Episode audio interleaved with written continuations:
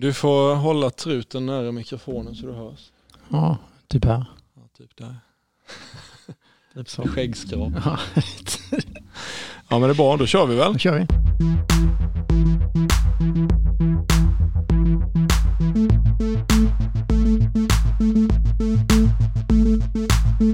Välkommen till Pappa Chef-podden, podden om föräldraskap och ledarskap. Jag heter som vanligt Johan Tomelius och det är jag som är pappachefen.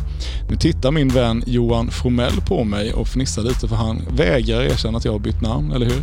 Ja, det stämmer faktiskt väl. Mm, men, men så är det trots allt. Man behöver egentligen inte veta, vi kan bara säga Johan och Johan. Jag tycker det räcker bra. Eh, den här podden den gör vi för att vi tycker att det är viktigt att prata om kombinationen förälder och chef. Vad kan man lära sig av ledarskapet på hemmaplan som är användbart på jobbet och tvärtom. Mm. Absolut. Och det har vi gjort i två år nu ungefär. Ja, vi hade en liten paus där som blev en, en konstpaus kan vi kalla det för av olika anledningar. Ja, men den, den tror jag bara har gjort oss starkare. Absolut. Eh, absolut. Och, eh, nej men, eh, varmt välkomna hit idag ni som lyssnar och eh, välkommen till dig också då Johan får jag väl säga. För det är ändå jag som äger utrustningen på något sätt så jag får väl säga att det är jag som hälsar dig välkommen. Jag tackar för att jag får vara med. Ja det är bra. Nu sitter vi ner hos dig igen i Växjö. Ja. Eh, jag har fått en hel halvtimme av dig här idag till mitt förfogande. Varför är du så himla upptagen? Nej men eh, framåt jul så är det ju alltid mycket att göra, mycket som ska avslutas, mycket som ska hända. Så då blir det ganska mycket och intensivt och det är klart jag tycker inte om att börja det nya året med en massa saker i kalendern som kunde gjorts i december. Mm. Nej, ja, det, det är väl rimligt. Det, vi brukar säga att det finns inget liv efter jul. Nej, lite så, men eh, det, jag gillar liksom någonstans att ha en ganska så lugn uppstart efter jul, även om det sällan blir det. Men då, man ska kunna avsluta det du kan innan jul. Mm. Då mår man mycket bättre vid julledigheten, julledigheten också. Blir det någon skidåkning i mellandagarna eller? Nej, inte så mycket skidåkning eh, tror jag inte, utan vi åker alltid skidor lite senare om åren. Okej. Ja. Du då? Ja, nej inte mellandagen när vi ska upp över sportlovet. Trevligt. Det får räcka. De bortskämda ungarna behöver inte mer än så. Eh, du, eh, vi eh, ska prata lite om eh, kris idag tänkte jag. Kris och kaos. Kris och kaos. Jajamän. Alltså så är det kris och kaos, det är då man ska kliva in. Ja, en helt normal dag i en förälders eller chefs vardag. Exakt, ja, verkligen så. Men innan vi gör det så måste jag ju höra lite, vad har hänt sen sist? Ja, vad har hänt sen sist vi träffades? Nej, men det rullar på. Vi pratar mycket träning och det går ganska bra. Jag kommer komma in på lite senare, vikten av det också. Men det rullar på. Utöver det så är det egentligen business as usual och föräldrar as usual ska jag nog säga. Det, det händer alltid någonting Ja. som ska ta själv då. Nej, men det är väl ungefär samma. Ehm, jag har varit förkyld i tre veckor så jag skyller väl på det att löpträningen inte har blivit så bra. Men innan det så var jag igång på ett rätt okej sätt. Så jag, Ja. jag får ändå säga, på en helhet så känns det ändå okej. Ja, det är härligt. Du, vi har fått en eh, lyssnarfråga. Spännande. Ja, från Mats. Han skriver så här, och den här är riktad till Johan Formell. Då, står det så här. Eh, Hej Johan, vem är bäst i podden och varför är det Johan Tomelius? Nej, men det är för att Johan Palmberg slash Tomelius är ju en väldigt vis och en väldigt eh, ödmjuk person tänker jag. Mm. Så därför är han bäst. Ja men vad trevligt Ja. och jag kan väl passa på att ge dig också lite feedback. Då. Det, det jag gillar med dig det är ju att du är, liksom, du säger ju alltid vad du tycker. Man behöver Ja. aldrig fundera. Och det gör att vår relation och vår kommunikation har alltid varit väldigt Ja, enkel. funger- alltså allt var enkelt och fungerar väldigt bra skulle jag säga. Mm. Vilket gör att man kan, faktiskt kan komma med vad som helst till varandra. Ja, Och det har ju varit så genom åren ja, utan att gå in på detaljer. ja, men så är det ju. Jag ska avslöja att det här var ett påhittat mejl. Eh, men eh, det, det, det, ibland är det lite viktigt att få, få lite positiv eh, energi och det kände jag att det fick jag nu. Så jag tackar så mycket för det, vad snällt. Vi Ja. tackar Mats. Jag vill tacka Mats. Eh, han hade inget efternamn och ingen mejladress heller, så vi får se om vi kan nå honom på något sätt. Okej, nej men du, vi hoppar väl in då och pratar lite kris och kaos. Eh, och eh, eh, tanken bakom det här har, har ja, det är väl flera olika och vi får se vad vi delar och inte delar. Men eh, frågan som jag har skrivit upp i alla fall för mig själv är hur reagerar vi när krisen plötsligt slår till och den enda som återstår för att lösa läget är du. Ehm, och då kan man ju fundera på, har, har, du varit med om några sådana situationer någon gång där du känner att nu vändes alla ögon mot, mot mig? Ja, men jag skulle säga att det har nog, har man varit chef eh, när covid slog till, så skulle jag nog säga att eh, upplever man inte det då, då tror jag nog att eh, man var ganska så ja, blind. Mm. Men det är samma sak, har man mött kollegor som blir sjuka, Mm. Hur hanterar vi det? Mm. Eh, om, och de bitarna. Det finns ju ganska mycket där som kan hända där man liksom någonstans alla ögon, ögon vänds mot oss. Mm. Så jag skulle säga att det varit flertal gånger då man någonstans, ja, vad gör, när den här frågan kommer som ligger i luften, vad gör vi nu? Mm. Själv då? Jo, nej men absolut. Eh, visst är det så. Och det, både både liksom i hemmalivet och på, i jobbsidan så har det ju, inträffar det ju sådana situationer mm. ibland när man inser att okej, okay, nu är det ingen annan kvar att lösa nej. läget än jag. Precis. Eh, och anledningen till att jag tänker att man tar upp det, eller att vi tar upp det i den här podden, det är för att ofta så är det ju en ledare i en mm. organisation som mm. det här ansvaret faller på. Precis. Eh, är man ytterst ansvarig för någonting mm. så finns det liksom ingen annan att vända sig till Nej. ibland. Eh, jag, jag, har ingen, jag har liksom ingen att springa till med mitt Nej, ärende. alltså ingen kommer ju till dig med, eller till en ledare eller en chef med enkla saker. För då löser man det själv. Så är det ju. Vi får ju bara... Liksom. Man får ju det och ju, ju, bättre man har, eh, om vi pratar nu ledarskap utifrån ett eh, arbetsperspektiv och företag. Alltså ju, eh, mer, ju en bättre organisation du har, mm. ju större problem landar på ditt bord. Mm. Ju osäkrare organisation du har, ju enklare problem landar på ditt bord. Det. det. är ju liksom en ganska så, så får du hantera mycket enkla problem som kommer, då ska man nog börja fundera en hel del över hur din organisation ser ut och hur trygga de människorna är i din organisation. Och då ska man nog titta rätt så mycket på ledarskapet i organisationen. Varför är de vi leder så otrygga att fatta beslut? Just det. Och då kan det vara så att då får man, då får man fler ju ärenden dessutom. Jajamän, absolut. Eh, medan, medan då om, om, man har en välfungerande organisation mm. tänker du, då är det kanske färre men värre. Värre. Ja. Jag menar någonstans om vi pratar prestation och lön så är det faktiskt så att vi får faktiskt betalt för att lösa problemen. Mm. Så är det ju. Alltså sitter man och rullar tummarna eh, 11 månader och 12 som mm. chef men sen månad 12 så kommer det där superstora problemet. Tolkar mig rätt med att säga rulla tummarna, att jag säger att det kommer inget stort. Men så kommer det där jätteproblemet månad 12 och det tar en eller två månader att lösa. Det är faktiskt det som man har betalt för som chef och leda människor igenom de här sakerna. Mm, absolut. Och sen en hel del annat givetvis, men jag tror ni förstår vad jag menar när vi pratar kris och kaos. Absolut, och jag, jag pratar emellanåt med, med människor som jag coachar de här frågorna just att, att ha som en inre målbild för sig själv att 98 procent av, av ärendena som kommer till mig ska jag lösa. Mm. Eh, oavsett om man är ledare eller medarbetare Precis. eller vad man nu är. Men liksom där någonstans bör man ju ha en målbild av att så här mycket ska jag kunna lösa själv. Och resterande mm. kanske får eskalera till ja. någon annan. Någon annan ja. Mm. Men, och, ja, vi pratade lite igår på telefon du och jag, mm. vi, man får väl fundera lite på vad man delar och inte, men, men eh, ett exempel i, i en jobbsituation för mig har ju varit när, när eh, en nära medarbetare har, har liksom, om man kallar det för att gå in i väggen, då, mm. ja, men hamnat i en utmattningsdepression mm. eller en utmattningssyndrom. Mm. Eh, och på väldigt kort varsel liksom släpper allt den har. Mm. Den kan sitta i ett väldigt stort projekt som den leder. Mm. Och från en minut egentligen till en annan mm. så finns inte den på plats. Nej.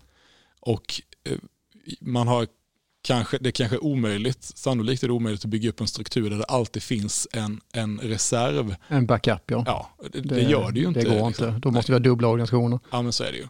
Och, och då är ju frågan, vem landar eh, liksom, mm. den här kakan hos? Mm. Jo, den landar hos mig som ledare och chef.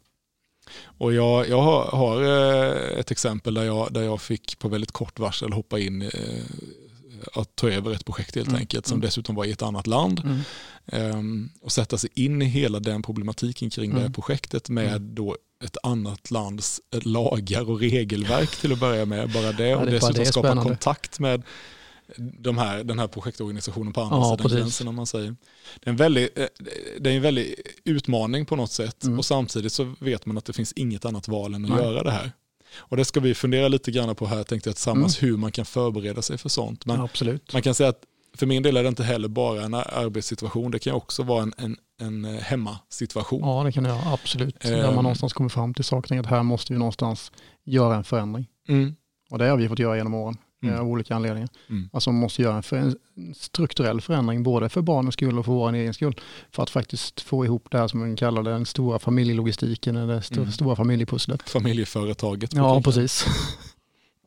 Ja, men, och så är det och, och vi hade ju en situation hemma för ett par år sedan där, eh, där min eh, fru av olika anledningar liksom en dag plötsligt inte kunde gå ur sängen. Liksom. Mm. Klarade inte att, att eh, kliva upp och Nej. klarade inte att åka till jobbet och klarade inte att knappt göra någonting hemma. Mm. Mm. Och då är det ju inte som att man som, när man står bredvid har egentligen någon annan att vända sig till. Utan det är ju den som står bredvid oavsett om det är mannen eller frun eller hur det nu ser ut i ens Precis. familj. Det är ju den som på något sätt måste Mm. lyfta den här Mm. manteln och ta på sig den och se Mm. till att familjeföretaget då Ska fungera. vidare. För oavsett om, om någon är sjuk eller inte, och det, menar, det här kan ju vara människor som drabbas av annan. Det kan ju vara så att man blir, blir allvarligt sjuk på något annat sätt. Absolut. Och den ena blir liksom ensam kvar. Och tvingas då prioritera ganska Mm. hårt. Mm. Vad ska jag göra? Mm. Mm. Och, och sådana situationer uppstår ju. Eh, och det som sagt, det här vi ska försöka bena lite Mm. i. Om vi kan hitta några tips på hur man kan, eh, hur man kan träna oss för det här. Då. Mm. Har du några funderingar? Nej, inte sådana här stora som man har ju varit med om ett antal och kan konstatera någonstans att eh, de kriserna och i svårigheterna så är det någonstans det är där det kommer fram vilken typ av ledare man är som person. Mm. Eh, det är då det visar sig Mm. hela tiden. Eh, och eh, det är ju någonstans där i de här kriserna, om vi tar framförallt i företag, när en kris eller ett problem uppstår så får man ju se, okej, vilka är det som är ledare och vilka är det som är chefer eller ledare enbart för titelns skull. Just det. För när de här sakerna uppstår då kommer det bli väldigt, väldigt tydligt. Ja, det kanske är när det Eh, brinner till ordentligt som det faktiskt ja, visar sig. Mm. Absolut, och det är någonstans där våra värderingar kommer synas och om vi är beredda liksom att stå för våra värderingar och våra mål är egentligen lite det här liksom walk the talk som vi säger. Mm. Och jag, jag skrev så här att en, en prepper, vet du vad en Mm. sån är? Alltså det är väl en sån som köper på sig. Alltså, jag ser framför mig när folk sprang och snod, köpte massa hushållspapper det, inför covid. Är det det, är det det vi pratar Ja, om? men, ja, det kanske är den svenska eh, lite så här eh, dumdristiga varianten. Ja, det finns ju mycket som helst men då köper vi till 14 balar. exakt. Ja. Ja, Bara det är en lite rolig historia. För när det här började hamstras, nu blir det ett sidospår men det tar vi. När man började hamstra toalettpapper så Ja. gick ju ett av de stora pappersbruken i Sverige ut i media liksom och sa det finns ingen anledning att ni hamstrar. Nej, jag liksom. tycker det är fantastiskt. Ni har, vi har liksom, vår Ja. produktion är helt okej. Samma dag började det brinna i det där eh, pappersbruket. Och de fick stoppa sin produktion tycker jag jätteroligt. Ja, ja, det var en annan sak. Nej men en prepper som jag ser det, det är ju en, det är ju en eh, kanske mest i USA om man tänker sig, men en sån här som förbereder sig för det vid kärnvapenkrig, som har en okej. bunker Ja. nedgrävd i trädgården hemma, Mm. som har där konserver för att klara sig i eh, åtta månader, som har sin vevradio, ja men du vet. Ja. Eh, och de tänker jag att de, de, visst det kan ju kännas överdrivet ibland, men de ser ju till att ha det som behövs för att klara en kris. ja, så är det. Om man ser det på det viset, det är som du säger, de har förberett sig för att klara krisen Absolut. som man inte vet när eller om den kommer. Precis, det är ju deras liksom, eh, Mm. bunkerlucka vi står och knackar på den dagen när det händer något vi som inte har förberett oss. Då. Ehm, och det här har ju aktualiserats i Sverige också. Det, det var ju bara ett par år sedan det kom ut en, eh, en broschyr från MSB tror jag det var va? Om kriget eller krisen kommer hette den. Mhm. Eh, som, det hade du inte ens läst, Nej. det är så typiskt dig. ja, men som syftar då till att öka på något sätt beredskapen för, för svenska folket. Och det visar sig, Intressant. det kan komma en pandemi, oj. Det var ingen som Det, med. så kan det vara. Nej, men då tänker jag så här, vi ska inte prata så mycket om preppers, men däremot så på samma sätt som de då ser till att ha förberett saker för den eventuella krisen Mm. i hopp om att inte behöva använda det egentligen, Mm. Så kan man fundera på vad lägger vi i våra ledarskapskrislådor, om man säger. Mm. Eh, Vad, vad stoppar jag ner där och vad plockar jag fram och använder när krisen kommer? Mm. Liksom. Har du några funderingar? Jag tänkte att du skulle få börja då. Ja, för börja. Mm, Kul. jag. Schysst. Ja, men jag har skrivit upp några punkter som jag eh, bara reflekterade över. Och jag tror att nummer ett, det är att när det blir en kris och när Mm. det brinner till och när man måste verkligen bara Mm. prioritera stenhårt och plocka bort från sin kalender liksom, Mm. det här som, som, man inte, som inte är viktigt just då. då. Då måste man, tror jag, och jag tror att det kanske blir så naturligt också, att då börjar man leda utifrån sin naturliga hemvist. Mm. Och med det menar jag, eh, i normala fall både du och jag försöker jobba på våra ledarskap. Vi, Mm. vi har gjort våra Resor tester. kan man lugnt säga Ja, och tester gjort och åkt våra- på utbildningar. Precis, och vi vet, vi kanske har en bild av vad vi behöver stärka, Mm. vad vi är starka i redan, men vad Mm. vi behöver förbättra och så vidare. Mm. Och kanske då anstränger sig för att agera på ett sätt som gör att man Mm. stärker sina svaga Mm. sidor.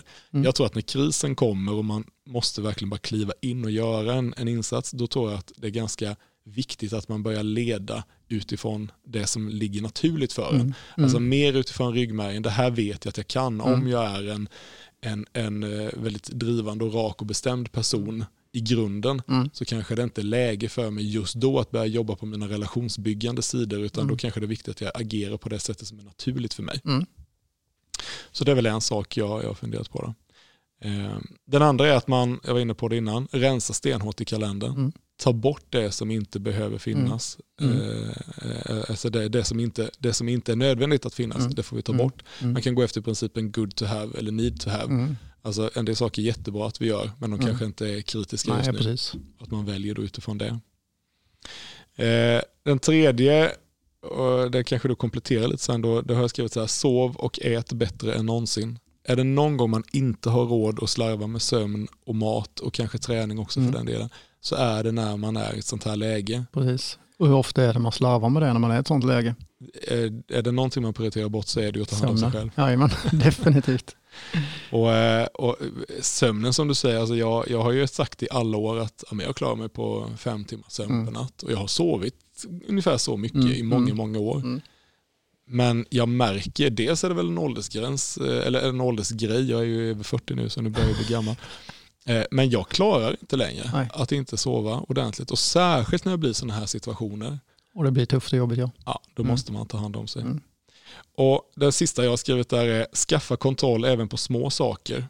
Ehm, Detta sparar tid för dig, Mm. lägg mycket energi på det i början. Mm. Men det menar jag inte att man kanske ska skaffa sig detaljkunskap om allting, men precis som du var inne på innan, de här, eh, om man har en organisation som ställer frågor om även de här enkla basala sakerna, Mm. eh, det kommer du absolut inte hinna med Nej. när det blir sånt här läge. Då vill det till att, att folk har ett mandat, att folk runt omkring löser sina ska. 98 procent. Det håller jag med om absolut. Mm. Att man lägger mycket energi på det i Mm. början kanske då, att Mm. etablera, nej, det här, de här frågorna Mm. kommer inte jag hantera nu under Nej. tre månader, utan den här, det här får faktiskt ni Mm. ta ansvar Mm. för. Så det var väl mina korta tankar. Jag vet inte om du vill komplettera? Nej, jag tycker det är bra. Jag håller med dig helt och hållet. Jag skulle, om man nu ska ta det utifrån en preppers perspektiv så tycker jag att någonstans om man ska göra någonting så är det att man kan faktiskt förbereda sin organisation för när det kommer tuffa grejer. Mm. Eh, genom att faktiskt som du säger hjälpa dem att lösa de här 98 procenten. Eh, jag vet ju själv hur jag blir, jag blir extremt fokuserad när man kommer i de här sammanhangen. Eh, och sen är det så här, jag tror någonstans att den här, alltså bra ledare är oftast väldigt tråkiga. Mm. Jag ska förklara varför. Eh, i bara några meningar, men vad jag menar med det är någonstans det, det är att man har strikta rutiner i form av mat, vila och motion. Mm. Och håller man det så tror jag någonstans att man kan faktiskt klara sig igenom de här eh, och förbereda sig ganska väl för de här situationerna som kommer. Mm. Se till att din organisation är förberedd för att hantera svårigheter och sen framförallt se till att du själv är beredd att hantera svårigheter. För att börja, börja med de här rutinerna innan är mycket bättre än att börja med dem när det händer. Ja, ja. För då är du inte där. Precis, det går ju inte, det går inte att skapa scenarier för alla eventualiteter Nej. som kan inträffa. Men det man, det man, precis som du säger, kan göra, det är att se Precis. till att ha vissa saker på Mm. plats alltid. Precis. Mm. Och det tror jag är jätteviktigt. Och sen ska vi någonstans vara medvetna om att, liksom att våra styrkor växer mest när vi tror att vi inte orkar mer, men fortsätter ändå. Mm. Och vi vi orkar. Och jag tycker någonstans att det är viktigt någonstans att man tar faktiskt, även att det är en riktig, riktig kris, så är det så att det är inte en, det är liksom inte en kärnvapenattack. Det är vi ytterst få som kommer liksom Mm. behöva fatta ett beslut kring det. Utan vi har faktiskt, även om det kommer, alltså jag har en förmåga att kanske vilja fatta det här beslutet på vad vi ska göra på kanske en halvtimme eller en minut. Mm. Eh, Och har lärt mig att om jag faktiskt väntar en dag eller en halv dag, funderar, bollar, får ett perspektiv på det hela, så tar man mycket, mycket bättre beslut. Mm.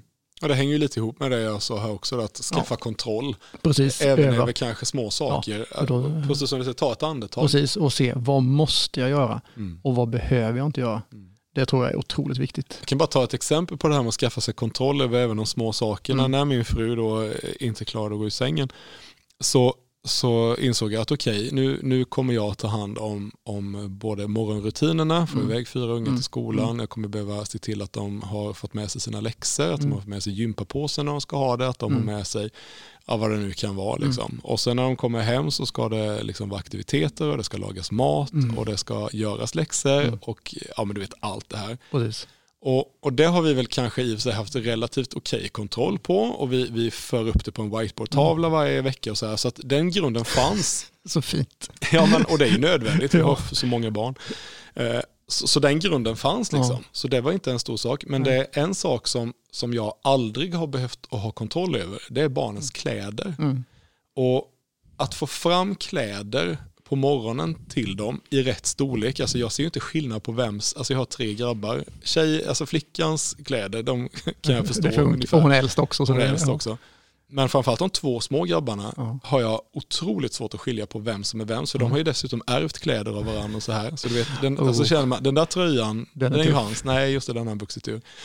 Så en sak som jag gjorde faktiskt, det var att komplettera den här whiteboardtavlan med längst ut så, så, så fyllde jag i dels när de små grabbarna skulle bada varje vecka, så här, den dagen, den dagen, den dagen, en liten röd plupp för det. För det hade jag inte koll på heller. Och den andra var vilken klädstorlek de hade. Ja. Fyllde i. 122 där, 128 ja. där, på den och så vidare. Så att man hade koll. För då kunde jag åtminstone där. hitta i klädlådorna vem som var vems. Och skapa de här strukturerna. Det låter helt sjukt, men någonstans när det är så så måste vi ha skapat de här strukturerna så att det funkar. Mm. Att lägga energi på det, det har vi inte tid eller ork till. Nej, men jag kände, jag måste ju ta det här omgående. Precis. Alltså första dagen så fick jag ju, fick jag gå och skriva upp mm. sådana här saker. Mm. För att annars så hade jag ägnat de kommande tre månaderna åt att varje morgon leta efter Lägga energi på det. Och det är tråkigt men nödvändigt. Mm. Och det vill säga liksom att bra ledare är också ganska tråkiga. För de håller sig till rutiner, strukturer och gör liksom saker och ting både innan, under och efter. Just det. Och det tror jag är ganska viktigt om man någonstans, och tittar man ut, om man nu ska ta, ta då liksom som ett prepper-perspektiv. Mm. Om man tar liksom, hur förbereder, förbereder vi oss som familj för saker som kan vara jobbiga? Nej, men kort och gott se till att man har en bra relation med varandra. Alltså, mm. Det är ju enkelt, liksom, har vi en bra relation mellan den vi, vår partner, eh, sambo, fru, man etc. så blir ju saker och ting betydligt lättare än att vi går in i ett läge där vi kanske inte riktigt är i synk. Mm. Och det är ju alltid viktigt utifrån alla Precis. perspektiv. Liksom. Men hur ofta tar man sig tid att, liksom, vi märker ju ofta, Alltså man märker ju ofta, alltså det är svårt utifrån vårt eget perspektiv, hur svårt det är att vårda relationen. Mm. Ja, men hur ofta åker man iväg, hur ofta har man tid själva, hur ofta ser man till att ha barnvakt. Och så kanske man har den enkla ursäkten, en annan då som har flyttat till en annan stad där barnvakt inte finns nära. Ja, men vi har inga föräldrar som kan hjälpa oss. Nej. Nej, men det finns faktiskt andra människor runt omkring som kan hjälpa till med det. Men det blir liksom man måste ta ett aktivt beslut och man måste göra någonting åt det. Mm. Men gör man det, skapar man de här strukturerna, så blir saker och ting så mycket lättare och så mycket enklare. Hur ofta låter man inte bli att bara ta det där sista, sista snacket innan man går och lägger sig och mm. ber om förlåtelse för det där som blev fel. Ja, typ istället så. så gick man och la sig sur på sin mm. sida och hon ligger sur på ja. andra sidan. Det har aldrig hänt mig. Nej, det har aldrig hänt inte. Nej, precis. Oh. Jag var också Nej, i 15 år nu så jag, jag gissar att ni är i samma läge som vi. Jo, men lite så. Nej, men, och att det är ju faktiskt ett, ett sätt att förbereda sig precis. inför det som skulle kunna hända. Um, och sen tänker jag på en sak som jag bara funderar på när du sa här innan, att man, man kanske blir, eh, eller en bra chef kan vara lite tråkig och fyrkantig och så mm. vidare. Mm. Och jag tänker mm. att utifrån det jag sa här om att man kanske ska gå tillbaka till sin naturliga ledar, ledaregenskaper när mm. det här mm. händer, mm. så kanske det också kan vara läge att förklara för sina medarbetare och för sin familj, eller vem man nu har då, um, att nu, nu är det så här, mm. nu, nu, har den här situationen uppstått. Det innebär att jag kommer behöva prioritera stenhårt. Det mm. innebär att jag kommer inte eh, hinna sitta med och fika. Nej, det innebär precis. att jag kommer mm. inte hinna eh, ta det där informella snacket i korridoren. korridoren. Jag kommer inte hinna detta, detta, detta. Nej, och det är precis. inte för att jag är sur på er, utan det är bara för att så här mm. är läget just nu. Och det tror jag är jätteviktigt att man någonstans är tydlig i sin kommunikation, för där tror jag det är oftast där det brister. Mm. Eh, den feedbacken jag har fått de gångerna och den, när det varit eh, konstruktiv feedback de bitarna så har det till 99% 99% berott på att jag varit dålig kommunicera på varför. Mm. Och det där funkar väldigt bra med barnen också måste jag säga. Eh, de är jättelyhörda Mm. tycker jag när man gör, Mm. tar en sån förklaring. Liksom. Mm. Så nu är läget så här ungar, Mm.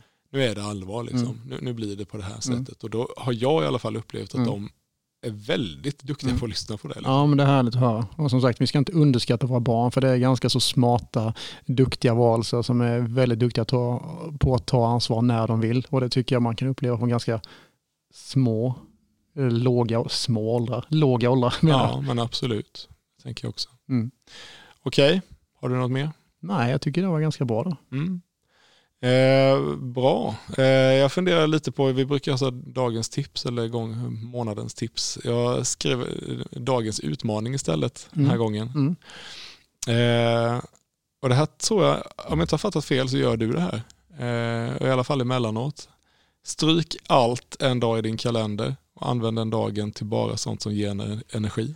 Jag ska säga att jag gör det faktiskt väldigt ofta just när jag började med det efter semestern för att skapa den här strukturen där jag faktiskt kan göra de här sakerna som faktiskt är viktigt som gör att jag ska orka. Så varannan tisdag Mm. så gör jag någonting annat och det innebär inte att jag åker iväg och liksom eh, leker och har roligt utan jag träffar människor, Mm. jag gör saker eh, som gör att jag eh, får energi, tänker strategiskt och men jag får den tiden Mm. och det har, betyder otroligt mycket för min egen skull. Jag tror Ja. att det också är en sån där sak som, som kan vara en förberedelsegrej faktiskt. Mm. Ja men jag tror det med.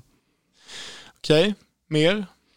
Nej, men eh, jag säger och avslutar med att om vi saknar eh, mod i vårt ledarskap så kommer vi leda tills den dagen vi stöter på problem och då kommer vi att backa. Och för att leda krävs det faktiskt mod. Mm.